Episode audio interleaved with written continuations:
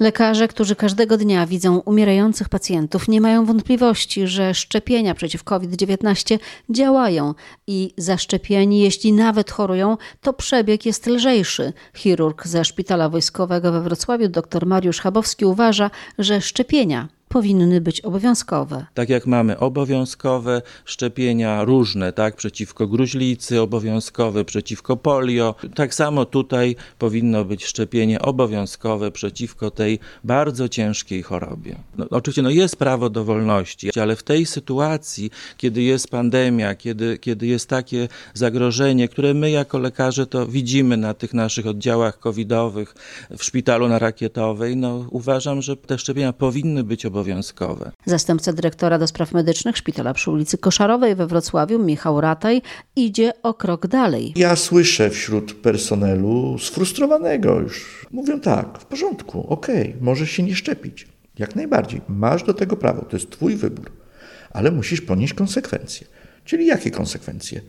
Leczymy ciebie po kosztach.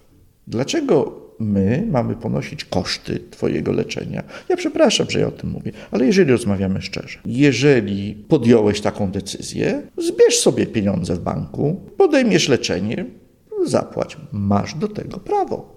Masz do tego prawo. To jest Twój wybór wolność. Ja wiem, że mogę być kontrowersyjny, ale ja nie jestem politykiem. Dr Anna Szymańska-Chabowska z Uniwersyteckiego Szpitala Klinicznego we Wrocławiu podkreśla, że w obecnej sytuacji potrzebne jest większe wsparcie lekarzy rodzinnych. Ja oczywiście bardzo doceniam ciężką pracę kolegów w, w praktykach lekarza rodzinnego, natomiast no, wydaje się, że w obecnej sytuacji, w której znalazły się szpitale, będziemy potrzebować jeszcze większej pomocy od y, lekarzy rodzinnych i być może jeszcze jeszcze mm, większego zaangażowania w prowadzeniu tych pacjentów.